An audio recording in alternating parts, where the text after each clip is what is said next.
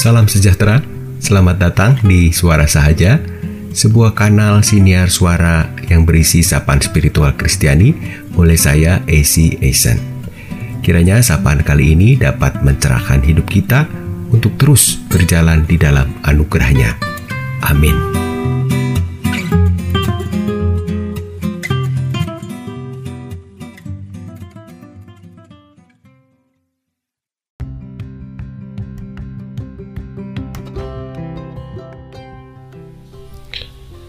Sebagaimana tubuh jasmani perlu dilatih dan dijaga kebugarannya, demikian juga dengan kehidupan rohani. Kita menjumpai ada begitu banyak keragam corak spiritualitas. Begitu juga dengan latihan-latihannya. Sebutlah tiga yang paling utama, yaitu berdoa, berpuasa, dan berderma. Melalui latihan ini kita melatih percakapan batin, pengendalian hawa nafsu, dan kesediaan diri untuk berbagi hidup. Pemicu utama dari latihan rohani adalah hikmat pengajaran kitab suci dan keyakinan bahwa kuasa roh Allah akan melengkapi dan menguatkan kita dalam melakukannya. Tentu latihan rohani itu bukan tujuan akhir Sebab sebagaimana tubuh jasmani kita dilatih supaya setiap organ dapat melaksanakan fungsinya dengan baik, begitu juga dengan latihan rohani. Kesegaran rohani yang tetap dijaga kebugarannya berguna supaya setiap perilaku hidup kita tetap terarah pada Allah, sumber kehidupan dan selamat kita yang utama.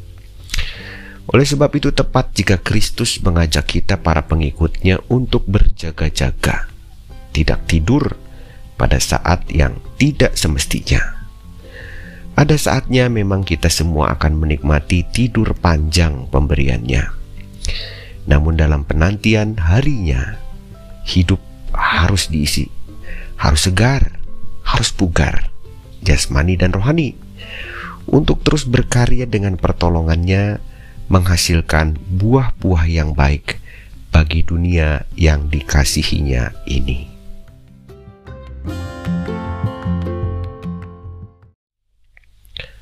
Sapaan kali ini terinspirasi dari Injil Markus pasal 13 ayat 32 sampai 37.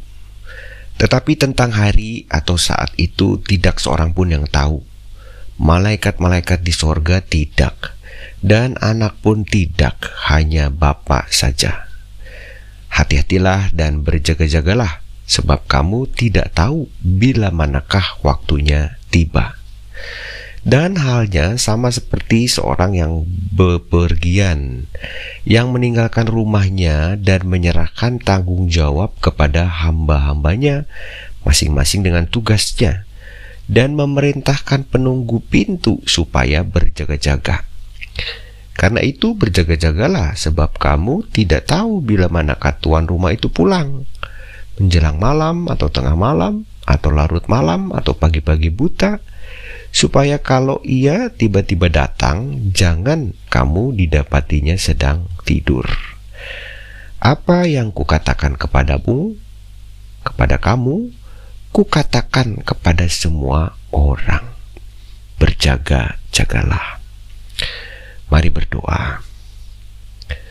Selama menanti tidur panjang pemberianmu, temanilah kami ya Allah dengan kuasa kasihmu, supaya kami tidak tidur pada saat kami harus bekerja bersamamu, melakukan apa yang baik bagi dunia ini. Amin.